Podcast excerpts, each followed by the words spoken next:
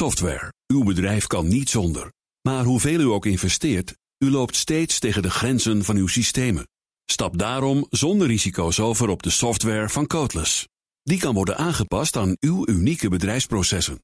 Welke ambities u ook heeft, uw software is er klaar voor. Kijk op slimsoftwarenabouwen.nl.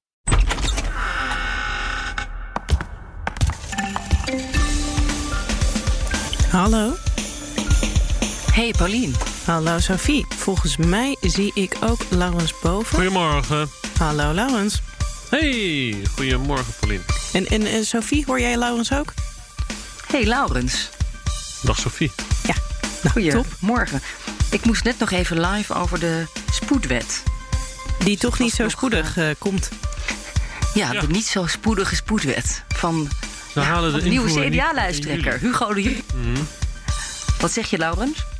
Wacht even, ik eh, zie dat ik op mijn wifi zit. Dat is niet verstandig. Oh, oh. Ik moet even opnieuw eh, verbinden. Oké. Ben ik weer. Hallo, welkom terug.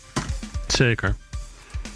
Eh, jij was iets aan het... eh, was jij nou ook iets aan het zeggen over de spoedwet? Ik was even kwijt wie er nou eh, aan het woord was. Welkom in deze podcast. Ja, dankjewel. Zo gaat dat. Welkom, Paulien. En Mark die begint altijd gewoon met opnemen voordat wij hangen. Dan heeft hij gewoon alles. Ja, ik heb het ook al aanstaan inderdaad. Dat, Kijk dat, dat leek me Dit- al verstandig. hey, wat leuk dat een we met jou praten. Wat is, er, eh, wat is er gebeurd? Eh, ja, Mark heeft een weekje vrij. Ja, Sophie, jij hebt hem vrijdag volgens mij gesproken. Volgens mij was het een beetje geheim waar hij heen ging, maar iets met een trein. Ja, en eh, Laurens heeft hem de hele week zitten appen... met allemaal ideeën over de podcast. Nee, ik ben op vakantie, Laurens. Voor de tweede keer, Laurens. elke- Ik ben op vakantie. Dit is de- de derde keer dat jij vergeet dat ik op vakantie ben. Dus die heeft Mark. echt een rotvakantie gehad, die Mark Beekhuis. Ja. Dat is helemaal niet waar. Ik heb hem één keertje geappt. Ja. En, Nee. en toen, jawel, ik heb, ik heb hem één keer geappt en toen kwam het antwoord. Ik Ik- ben op vakantie of zo. En toen zei ik, oh, je bent nog steeds op vakantie. En dit is mijn derde dag. ja. Arme jongen. ja. Ja. Nou, Als jij op vakantie maar- bent, Laurens, dan ga ik je ook appen, hè?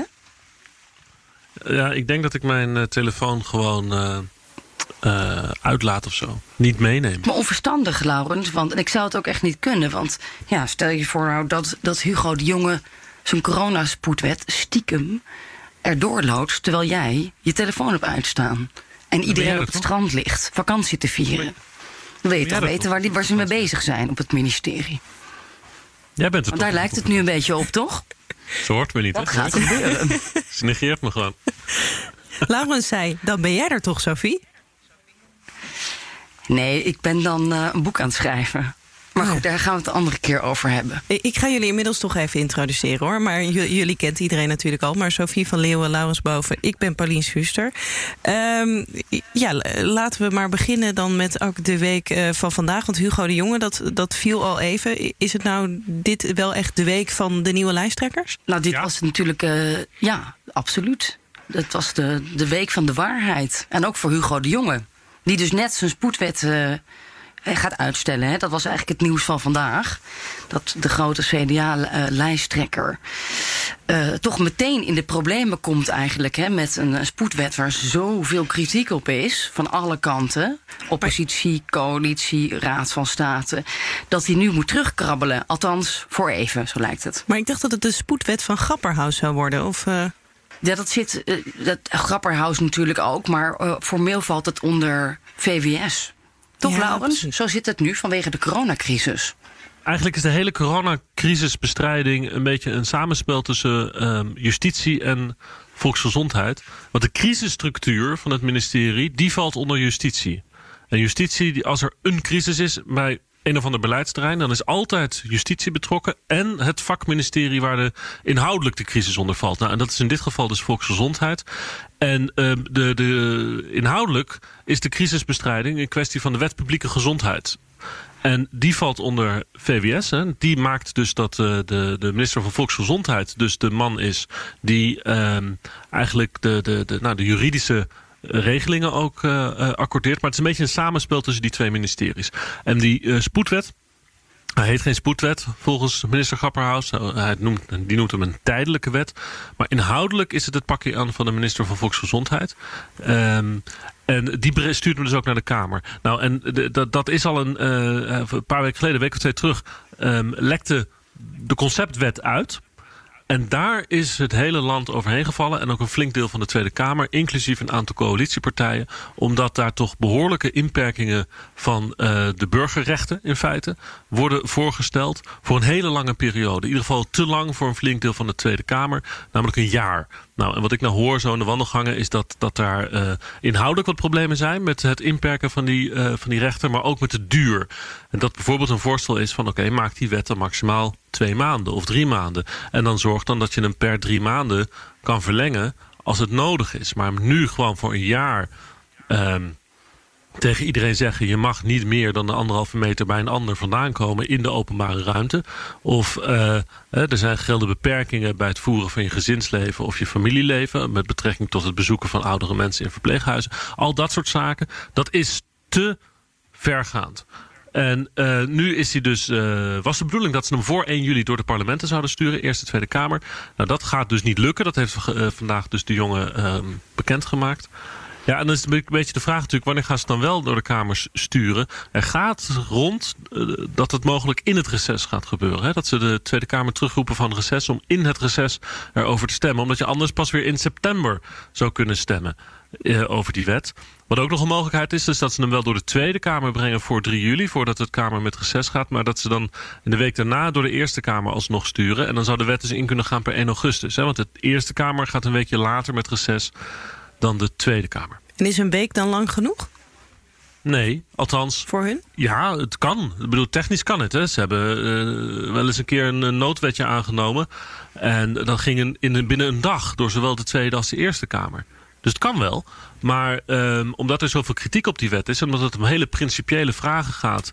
over de samenleving en de, en de, en de vrijheden... Ja, is er toch een sterke behoefte in de Tweede Kamer in ieder geval... en waarschijnlijk ook wel in de Eerste Kamer... voor hoorzittingen en, en al dat soort zaken. Nou, en dan duurt zo'n behandeling natuurlijk veel langer. Want dan, dan, ben je, dan ben je toch wel een paar weken zoet. En ja. dan is dat snel, zullen maar zeggen. Ja, de Kamer voelt zich echt ook buitenspel gezet, horen wij. Van ja, we, hebben eigenlijk die wet nog niet gezien. En dan moet het voor 1 juli moet dat gefixt worden. Dus uh, nou ja, dan vraag ik me wel af of ze het dan uh, in de zomer uh, gaan fixen. En ik vind ook wel, hoor, Laurens. het is ook een, een, tactiek natuurlijk, toch? Om gevoelige dingen juist in die zomermaanden erdoor te duwen. Als niemand kijkt. Ik weet niet helemaal zeker, Sofie, of ik het eens ben met die analyse dat je in het zomerreces iets erdoor kan drukken als niemand kijkt. Want er gebeurt verder niks. Dus eigenlijk is het juist een recept voordat iedereen kijkt. Omdat het het enige is wat er gebeurt. Ik kan me nog herinneren dat een ja, paar jaar geleden was er in, midden in het zomerreces een debat over de steun aan Griekenland. Dat moest dan ook per se uh, toen acuut worden besloten. Nou, dat was dagenlang nieuws, hè, omdat het het enige politieke gebeurtenis van, uh, van die zomer was. Dus, maar de um, kijkcijfers zijn toch veel lager. Als je denkt aan het 8 uur journaal of hè, het, het, nieuws, RTL Nieuws. Als er mensen op de camping zitten, dan uh, heb je dus veel minder kijkcijfers. En ik denk dat ook Hugo de Jonge toch wel heel erg bezig is met zijn hè, profilering als uh, nieuwe CDA-leider. En, en, en dan liever zoiets in de zomer presenteert als mensen op het strand liggen. Hoewel de vraag nee, hoeveel mensen er op het strand liggen dit jaar misschien ook... Uh... Iedereen is in het land, hè? we kunnen nauwelijks naar, naar het buitenland. Maar het, ik heb niet de indruk dat ze nou aansturen op de zomer. Het kabinet die wilde het natuurlijk eigenlijk voor de zomer nog door het, door de, door het parlement krijgen. Dus de, ik denk eerder dat ze gewoon vastlopen op de kritiek in de Kamer... en dat het daardoor wat later wordt en dat dat nou niet een onderdeel is van hun strategie. Ze zouden het liever voor de zomer doen. Nou ja, goed, dus veel gedoe daarover uh, deze dagen, Paulien. Ja, en, en in, dat is dan voor, voor onze, na de kerstverse lijsttrekker van het CDA is hij natuurlijk nog niet. Want uh, volgens mij tot woensdag mogen mensen zich nog melden. Ik dacht dat Mona Keizer is nog steeds aan het, heel hard aan het denken, toch? Of ze wel of niet wil. Ja, ik sprak haar van de week, maar ik vond haar wel heel erg twijfelachtig, hoor. Ze was totaal niet uitgesproken enthousiast over, over de strijd aangaan met Hugo de Jonge. Durft u het aan tegen de jongen? Volgende week woensdag uh, eindigt de termijn. Dus ik ga er nog eens eventjes uh, goed over nadenken. dat is echt iets waar ik eh, gewoon zelf over na moet eh, denken en moet praten met mensen die er eh, toe doen in mijn leven. Dus ehm, ja, ik moet er echt nog even over nadenken. Sorry, ik kan het niet mooi maken op dit moment. U houdt ons wel in spanning, maar u moet toch het goede voorbeeld geven als vrouwelijk leider? Dat vind ik uh, prachtig om uh, te horen. Dankjewel voor uh, dat compliment. maar ik ga er echt even over nadenken. Dus ik kan daar gewoon nog niks over zeggen. Als je ziet wie er nu allemaal steun hebben uitgesproken. Dus eigenlijk wordt zij nu volledig gepasseerd. Steun uitgesproken voor Hugo de Jonge deze week. Toen hij zich kandideerde. Ja, ook een beetje, een beetje lullig voor haar natuurlijk. Dan is zij natuurlijk nu al gepasseerd door grote namen zoals Buma de vorige CDA-leider. Ja. Maar ook um, door iemand als Vert Grapperhaus, de minister van Justitie. Dat wil ik even aan je voorlezen, want hij heeft een leuke foto gepost op Instagram. Ze stonden ergens ja, tussen, ik denk het lijkt wel uh, Koningsdag, allemaal mensen met oranje t-shirts en hoedjes op. En Hugo de Jonge met een uh, oranje stropdas voor het gebouw van uh, de Tweede Kamer. Het Justitiepaleis, waar ook de CDA-fractie zit. En Vert Grapperhaus die zegt... Uh, ik ben erg voor duidelijkheid. Dus ga ik over het CDA-leiderschap toch echt helder zijn. Ik ben ervoor dat Hugo de Jonge de CDA-lijsttrekker voor de Tweede Kamerverkiezingen wordt. Hij staat voor wat hij vindt. Hij kan besturen en heeft visie.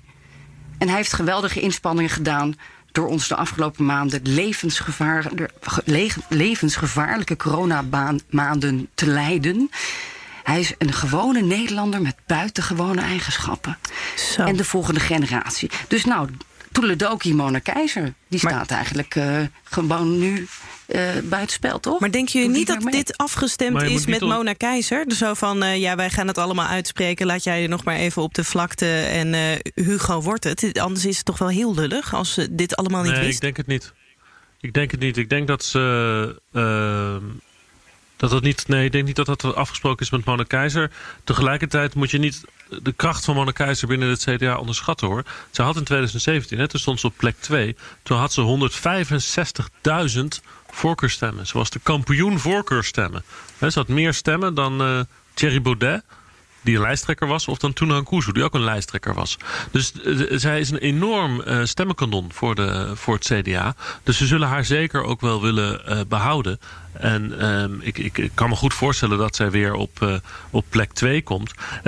Wat mogelijk is, is dat nu er wel degelijk onderhandelingen zijn, gesprekken zijn achter de schermen tussen Mona Keizer en, het, en de CDA-top over nou ja, wat ze haar dan te bieden hebben hè, als ze zich niet kandideert. Het is een speculatie. Ik kan me voorstellen dat zo'n gesprek gaan is. Ik weet het niet zeker.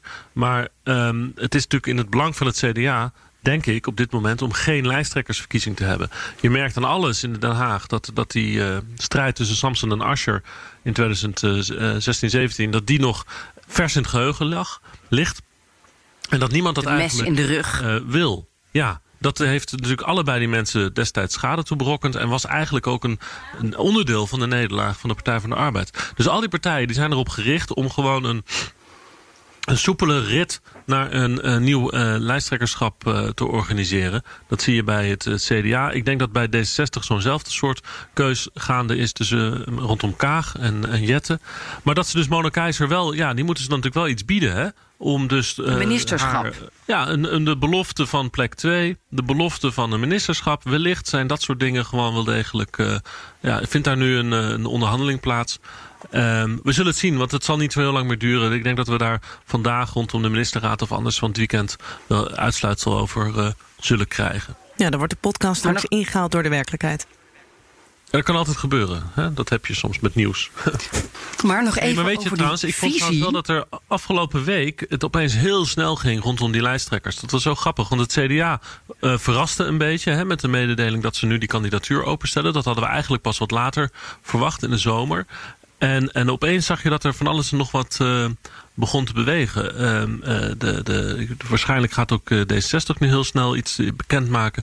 En dan, uh, bedoel Kaag, hè, dat werd aangekondigd gisteren. Kaag die staat voor haar bekendmaking. Die zullen nogal gesprekken voeren wat ze doen met Jette. En, um, en, en ook Partij voor de Dieren kwam opeens met de mededeling dat Esther Ouwehand op het schild gehezen is als de nieuwe partijleider. Dus het is wel een beetje de week van dat de campagne begonnen is. Zo voelde dat toch wel heel erg in, uh, in Den Haag. Vorige week al ja. uh, kwam, kwam Ascher al. Hè? Die werd door de Partij van de Arbeid uh, benoemd tot de lijsttrekker. Ik heb trouwens Ascher nog even gesproken. Vind je het leuk om dat even te, te, te, te horen? Um, want de, de, die, die, die Hugo de Jonge die zit nu een beetje in dezelfde positie... waar Lodewijk Asscher de vorige keer aan zat. Hè? Vicepremier en moet het opnemen tegen Mark Rutte. En Mark Rutte die zelfs nog eens veel populairder is... in ieder geval nu in de peilingen dan die, dat, dat de vorige keer was natuurlijk...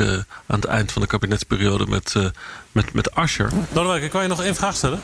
Kan. Je hebt ervaring mee met het, om het als... Met het CDA? Nee, maar wel om het als vicepremier op te nemen tegen de premier. Ja. Ja, Hugo de Jonge die gaat dat nu ook meemaken. Wellicht. Dat, of Anders Hoekstra, die ook minister is en ja. dan in diezelfde rol zit. Of Mona Keizer, die ook in het kabinet zit. Exact. Ja. Ja. Dus heeft u een, uh, een tip vanuit uw ervaring over... Ja, nou, nee joh. Kijk, het CDA uh, moet het helemaal zelf uh, weten. Volgens mij hebben ze er alle drie heel veel zin in. Uh, dus ik ben heel benieuwd. En wie het ook wordt, ik wens diegene buitengewoon veel succes. Maar het was heel moeilijk. Hartstikke moeilijk. Maar het is sowieso heel moeilijk, hè? Het is echt een pittig baantje. Dat geloof ik graag. Ja. ja. Je hoort Ascher hier zeggen, hè, dat, uh, dit was trouwens nog opgenomen voordat duidelijk werd dat Hoekstra uh, zich uh, niet kandideerde. Ja. Um, dat hoorde je. Maar hij laat zich heel erg op de vlakte. Hè. Hij wilde eigenlijk dat advies, dat, die tip, die wilde hij dus niet geven aan het CDA.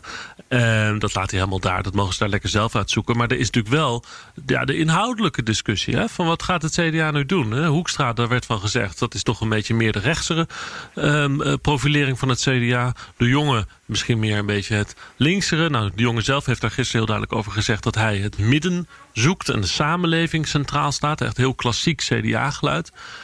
En uh, dus natuurlijk voor Asscher een beetje de vraag van... zie je dit nou als een bedreiging, dat CDA... voor jouw poging om ook premier te gaan worden? Ik, ik weet het niet. Weet je, het hangt er heel erg vanaf... Uh, ook zeg maar, met wat voor boodschappartijen die verkiezingen ingaan. Uh, of het CDA zeg maar, heel erg op de VVD blijft lijken in beleid. Of dat ze een andere koers inslaan, dat weten wij allemaal niet. Dus wij wachten gewoon rustig af wie partijen aanwijzen als hun lijsttrekker. Ik, ik, en dan zien we het wel, uh, eerlijk gezegd. Ja, en u voert ook een campagne hè, om premier te worden? Uh, wij gaan een campagne voeren om, om heel veel stemmen te winnen, zeker. Maar om premier te worden ook? Ja, dat zou heel goed zijn als wij de grootste kunnen worden. Dan kunnen we heel veel uh, gaan veranderen. Ja, dan doet ook Klaver ook. Die wil ook premier worden. Dat is mooi van verkiezingen, toch? ja, ja, maar goed, het is natuurlijk toch een... een uh, ja, hoe moet ik dat nou vragen? Het, het, het is zo merkwaardig. Wat als er, vragen? Nou ja, omdat er, er is eigenlijk maar één partij waarvan het echt serieus is dat er een premierskandidaat is. En dat is Mark Rutte. En de rest zit allemaal op de, tussen de 10 en de 20 zetels in de peilingen. Ja, maar dat is nou echt een, uh, een fout waar ik je graag voor zou willen behoeden. Uh, denk maar even aan uh, juni 2001. Wie stond er toen op boven de 40 zetels? Juni 2001? Ja. Dat was uh, Melkart, denk ik, of niet? Ja. Nee, jawel. Zeker. Voor, en hoeveel kreeg je er? 23. Ja. Dus, ja, er zat wel een aanslag en een moord tussen. Ja, zeker. Maar iedereen die denkt dat die verkiezing geen zin heeft... laat het vooral geloven bij de VVD, maar daar ben ik niet mee eens. Oké, okay, dus Rutte is kwetsbaar, ook nu nog? Ook in deze situatie? De kiezer bepaalt. Mm -hmm. uh, de kiezer bepaalt. En, en wat de peilingen drie kwart jaar van tevoren zeggen... bepaalt echt niet hoe mensen straks in maart hun keuze... Hè, dan gaat het over de toekomst, gaat het over je portemonnee... gaat het over je baan. Uh, dan gaan mensen kijken welke partij is het best vertegenwoordigt. En iedereen die denkt dat het al bepaald is... wens ik veel geluk. Denk je dat hij gelijk heeft, Ascher? Want die zegt, nou ja, er, is, er zijn heel veel premierskandidaten in dit veld. Klopt dat? Ja, dat... Graag wil ook premier worden, hè? Dus ja, ze willen ja. allemaal premier worden. En het is, kijk, het is wel waar dat, uh, dat, dat de VVD uh, heel hoog scoort. En dat de rest eigenlijk uh, allemaal zo ja, bijna gelijk staat. Hè? Dus in die zin ligt het speelveld open. Dat was voor de coronacrisis ook echt de algemene sfeer in, in het, op het Binnenhof. Dat, dat iedereen eigenlijk gewoon een, zichzelf ziet als een serieuze uitdager van Mark Rutte. Um, de kunst is, dat zien we na al een paar, een paar verkiezingen de afgelopen keren, is dat er, dat er een tweestrijd moet ontstaan. En uh, Rutte versus, nou, bijvoorbeeld de, in 2012 was dat dan opeens Samson. En dan zie je dus dat ze allebei daarvan profiteren, van zo'n tweestrijd. En dan, gaat, dan is het nek aan nek. En dan werd Rutte net iets groter dan de Partij van de Arbeid in die uh, verkiezingen. En zo bleef Rutte premier. En uh, Ja, de vorige keer ging het heel erg over van Rutte of Wilders. Hè. Wie wordt de grootste? Nou, uiteindelijk was dat gat heel groot in de, in de uitslag. Maar ja, de, de, die tweestrijd die zal wel worden gezocht. Dus het is eigenlijk aan de, rest. Je hebt Rutte en de rest. En het is aan de rest om zich dus te positioneren als de serieuze uitdager van Mark Rutte. En daar zijn ze eigenlijk op dit moment allemaal mee bezig. Wie van die rest is de beste? En uh, kan dus de claim leggen op ik ben de uitdager. En wie creëert dus die, voor zichzelf die tweestrijd met Rutte. En wie zoekt Rutte ook als een ideale tegenstander? Ja, de, de, dan heeft Asscher in die zin gelijk dat het eigenlijk op dit moment nog open ligt wie dat dan wie dat dan wordt. Velen in Den Haag hè, houden al rekening dat het gewoon Rutte 4 wordt. Dat is wat je echt wel veel hoort achter de schermen. klopt. Rutte 4 en dan misschien hè, met de jongen erbij en nog een iets kleinere partij of twee. Dat, de, wel een beetje saai, jongens. Toch? Ja. Nou ja, er zal heel veel afhangen van hoe het, het najaar gaat. Of er een tweede golf komt.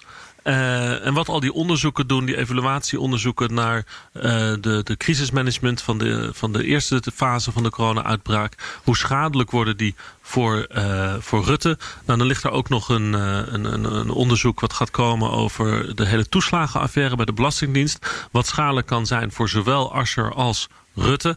Ascher vanwege zijn vorige rol als eh, minister van Sociale Zaken... die daar nog steeds bij betrokken is voor wat hij toen heeft gedaan in het vorige kabinet. Dus er zijn een aantal bananenschillen de, de komende maanden... die grote invloed kunnen hebben op de verkiezingsuitslag. Dus net als in, eh, in 2001-2, eh, de tijd van de, de aanslagen van 9-11 en de moord op Fortuin... is het nu gewoon inderdaad heel onvoorspelbaar wat er op, op 17 eh, maart volgend jaar daadwerkelijk gaat gebeuren. De strategie is eigenlijk al duidelijk. Hè? Dat, dat zegt de jongen ook in, in zijn campagnefilmpje... wat hij lanceerde in Rotterdam. Ja, we hebben fouten gemaakt. Ja, wij hebben onze verantwoordelijkheid genomen en wij stonden daar met z'n tweeën op die persconferentie. De coronacrisis heeft ons hard geraakt. En de komende jaren staan we als Nederland met elkaar voor de opdracht om deze crisis als één samenleving te boven te komen. Samen zetten we de schouders eronder voor een sterke economie, voor een sterke samenleving. Die weg vooruit zal niet altijd makkelijk zijn, maar als samenleving kunnen we er sterker uitkomen. Als iedereen verantwoordelijkheid neemt en we niemand in de steek laten. Juist in moeilijke tijden heeft het CDA altijd verantwoordelijkheid genomen. En in die traditie wil ik staan. En daarom stel ik mij kandidaat als lijsttrekker van het CDA. Dus corona gaat waarschijnlijk wel een, uh, een verkiezingsthema worden. En dan zegt de oh, oppositie, oh, jullie hebben zitten slapen in februari, in maart. En uh, jullie hebben oude mensen, uh, nou ja, dus, omgebracht. Het is niet zo, niet zo netjes om dat zo te zeggen. Maar ja, en dan zal inderdaad de repliek zijn. Wij stonden er wel.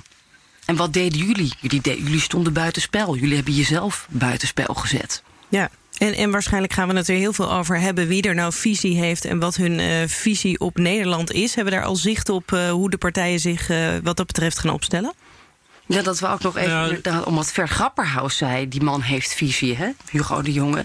Als we dat filmpje van hem bekijken, zo'n verkiezingsfilmpje in Rotterdam...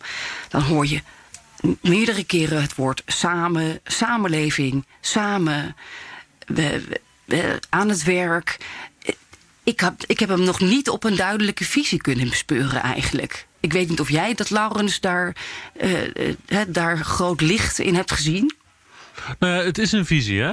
Je moet het niet onderschatten. Dat is, dat is echt core CDA-geluid wat hij daar vertolkt. Samenleving, voor elkaar, werk en schouders eronder. Hij zei ook geen woorden maar daden. Een beetje flirten met het Rotterdamse sentiment. Maar... Um, eh, dus hij, hij beroept zich echt op, het, op, op nou, die, die oergevoelens bij het CDA.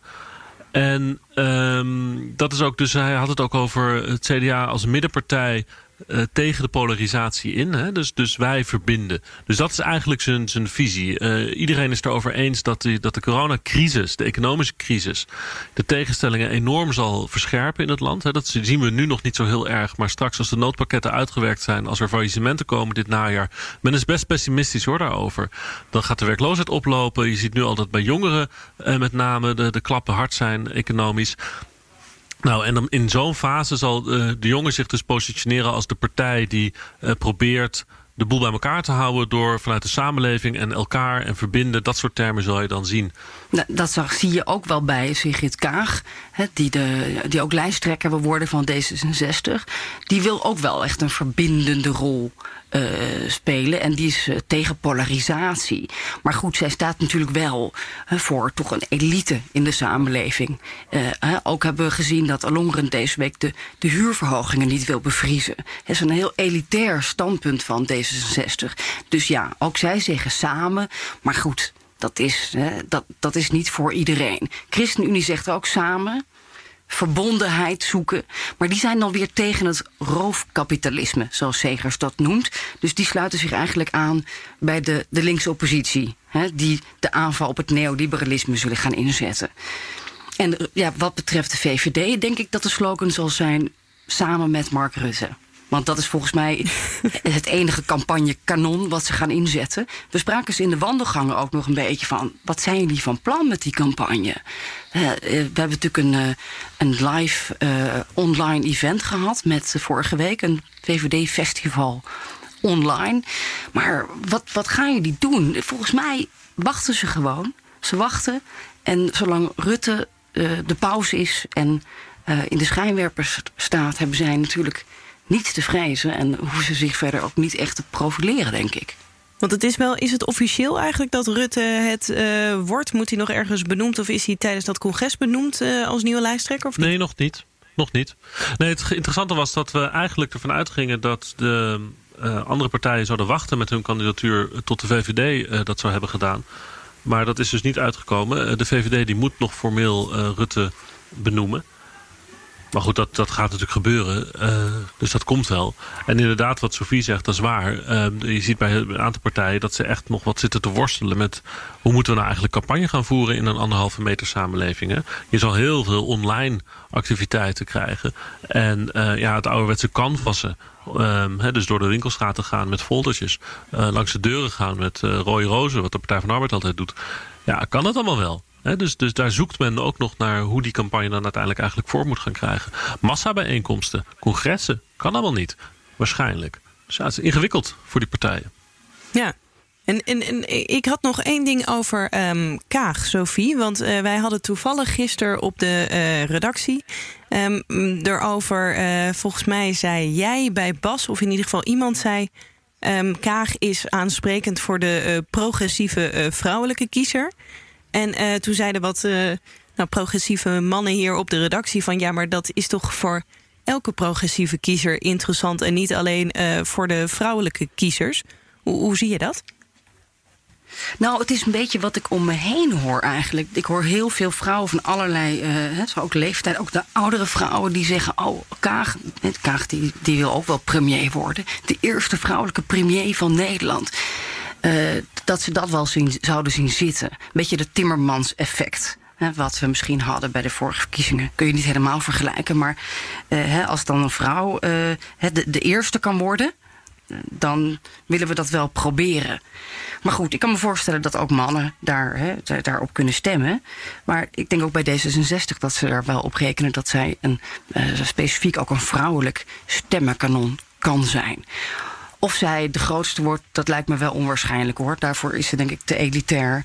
En um, misschien ook niet verbindend genoeg. Uh, ik denk niet dat ze Mark Rutte van de troon gaat stoten, eerlijk gezegd. Ja, dan krijgen we dus weer geen vrouwelijke premier eigenlijk. Kunnen we nu eigenlijk al bijna concluderen dan? Want als Mona Keizer inderdaad besloten heeft... ik, ik, ik ga het niet doen, want CDA dat had misschien dan nog gekund. Maar dan, nou ja, Mona Keizer is onze laatste hoop, denk ik dan... als het gaat om een vrouwelijke premier. Wat denk jij, Laus? Nou, ik, ik denk dus dat Mono Keizer zich niet zal uh, kandideren. En, dus onze uh, hoop is vervlogen.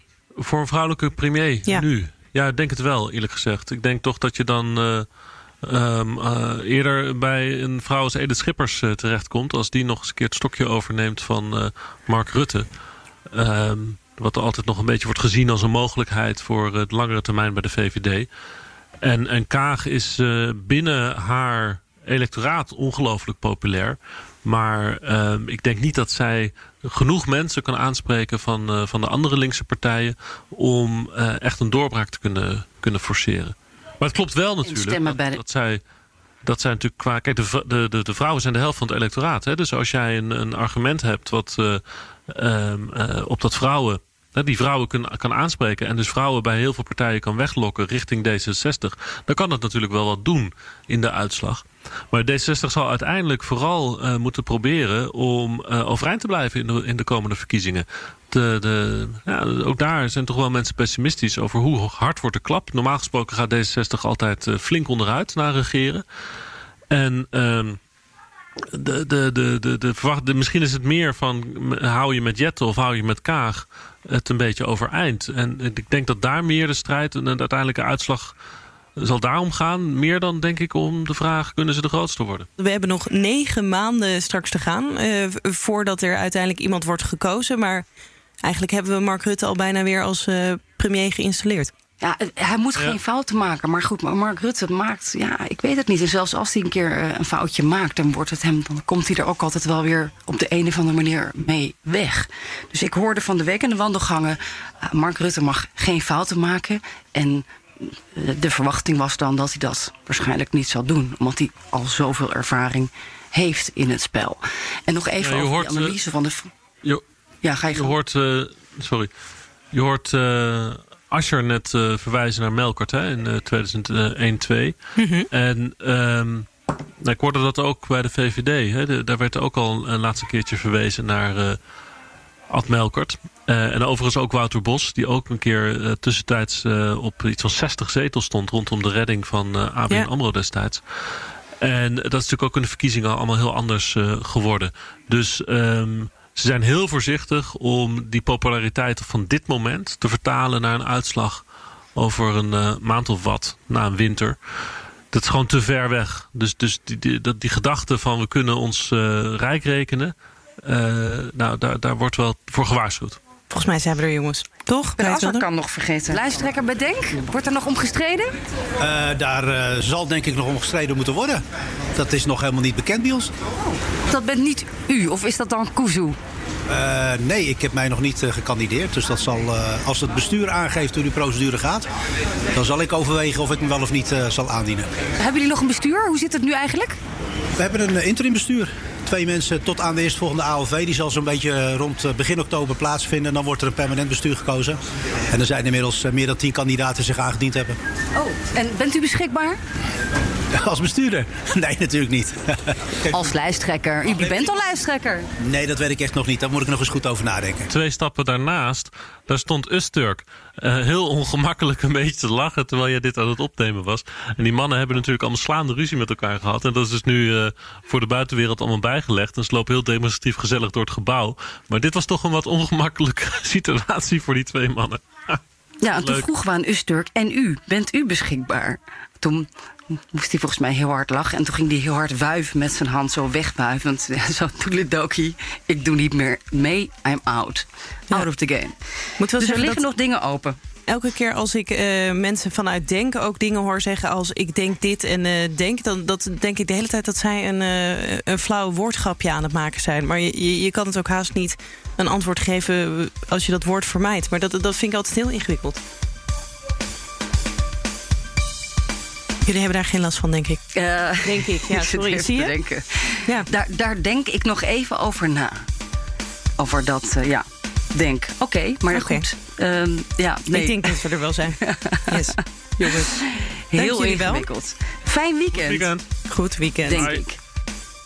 Newsroom is er maandag weer gewoon. Newsroom Den Haag is er vrijdag weer. En voor beide kan je je verheugen op de terugkeer van Mark Beekhuis. Van mij een heel fijn weekend. En voor Mark heel graag tot maandag.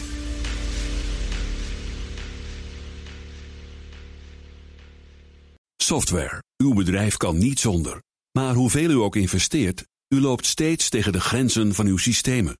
Stap daarom zonder risico's over op de software van Codeless. Die kan worden aangepast aan uw unieke bedrijfsprocessen. Welke ambities u ook heeft, uw software is er klaar voor. Kijk op slimsoftwarenabouwen.nl